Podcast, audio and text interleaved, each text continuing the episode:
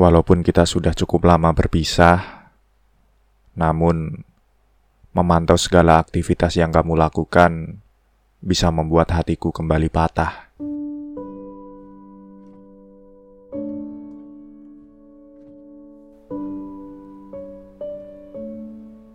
Perbedaan masa kini dengan masa lalu boleh jadi ada pada kemampuan untuk melihat apa yang sedang dilakukan orang lain gawai dengan koneksi, media sosial dengan keinginan demi eksistensi,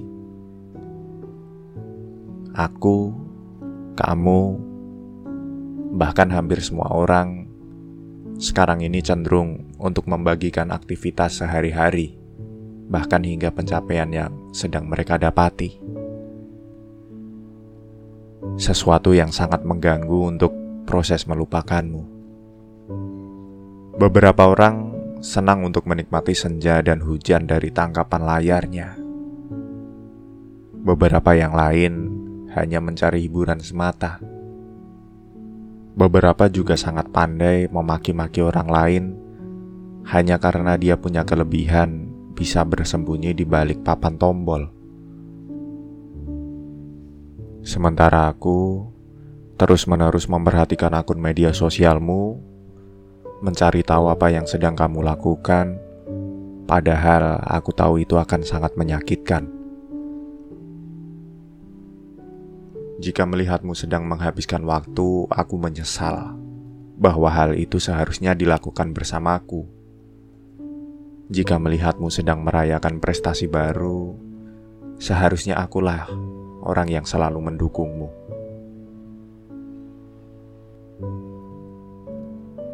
Hal yang paling menyebalkan dari perpisahan adalah proses melupakannya.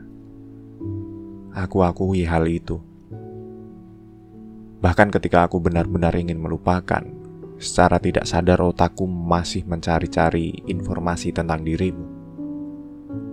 Tanganku mengetik namamu dalam pencarian.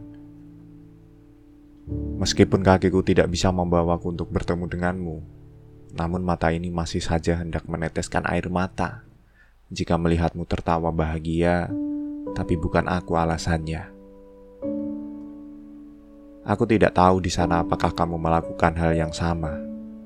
Namun seandainya iya, apakah ini